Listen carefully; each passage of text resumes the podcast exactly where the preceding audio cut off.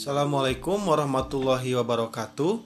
Selamat datang di mata kuliah Pendidikan Kewarganegaraan bersama saya Aang Supriyatna.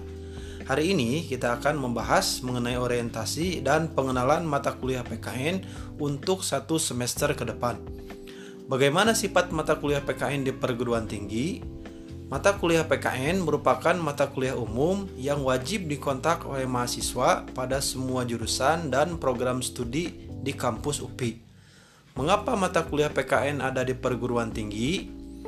Landasan penyelenggaraan PKN di perguruan tinggi sesuai dengan peraturan yang tertuang dalam keputusan Dirjen Dikti nomor 43 garis miring Dikti garis miring keputusan garis miring 2006. Apa tujuan mempelajari PKN di perguruan tinggi? Tujuan umum dari PKN adalah menjadi ilmuwan dan profesional yang memiliki rasa kebangsaan dan cinta tanah air, demokratis dan berkeadaban, menjadi warga negara yang memiliki daya saing, berdisiplin dan berpartisipasi aktif dalam membangun kehidupan yang damai berdasarkan sistem Pancasila.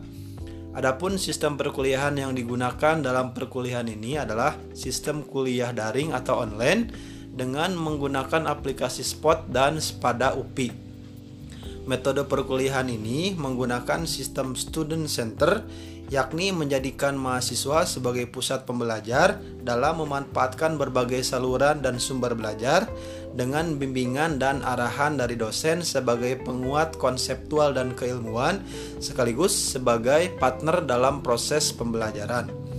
Untuk tema materi yang akan kita pelajari selama satu semester adalah sebagai berikut, yakni pengantar memahami PKN di perguruan tinggi, identitas nasional, integrasi nasional, negara dan konstitusi, demokrasi dan rule of law, hak dan kewajiban warga negara, geopolitik, dan geostrategi Indonesia.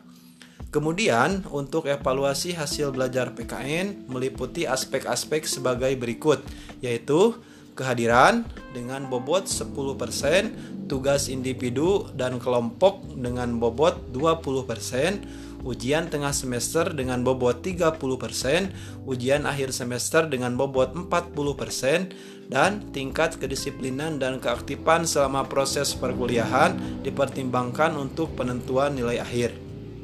Demikian pengantar perkuliahan kali ini. Terima kasih telah menyimak. Sampai berjumpa di podcast berikutnya. Wassalamualaikum warahmatullahi wabarakatuh.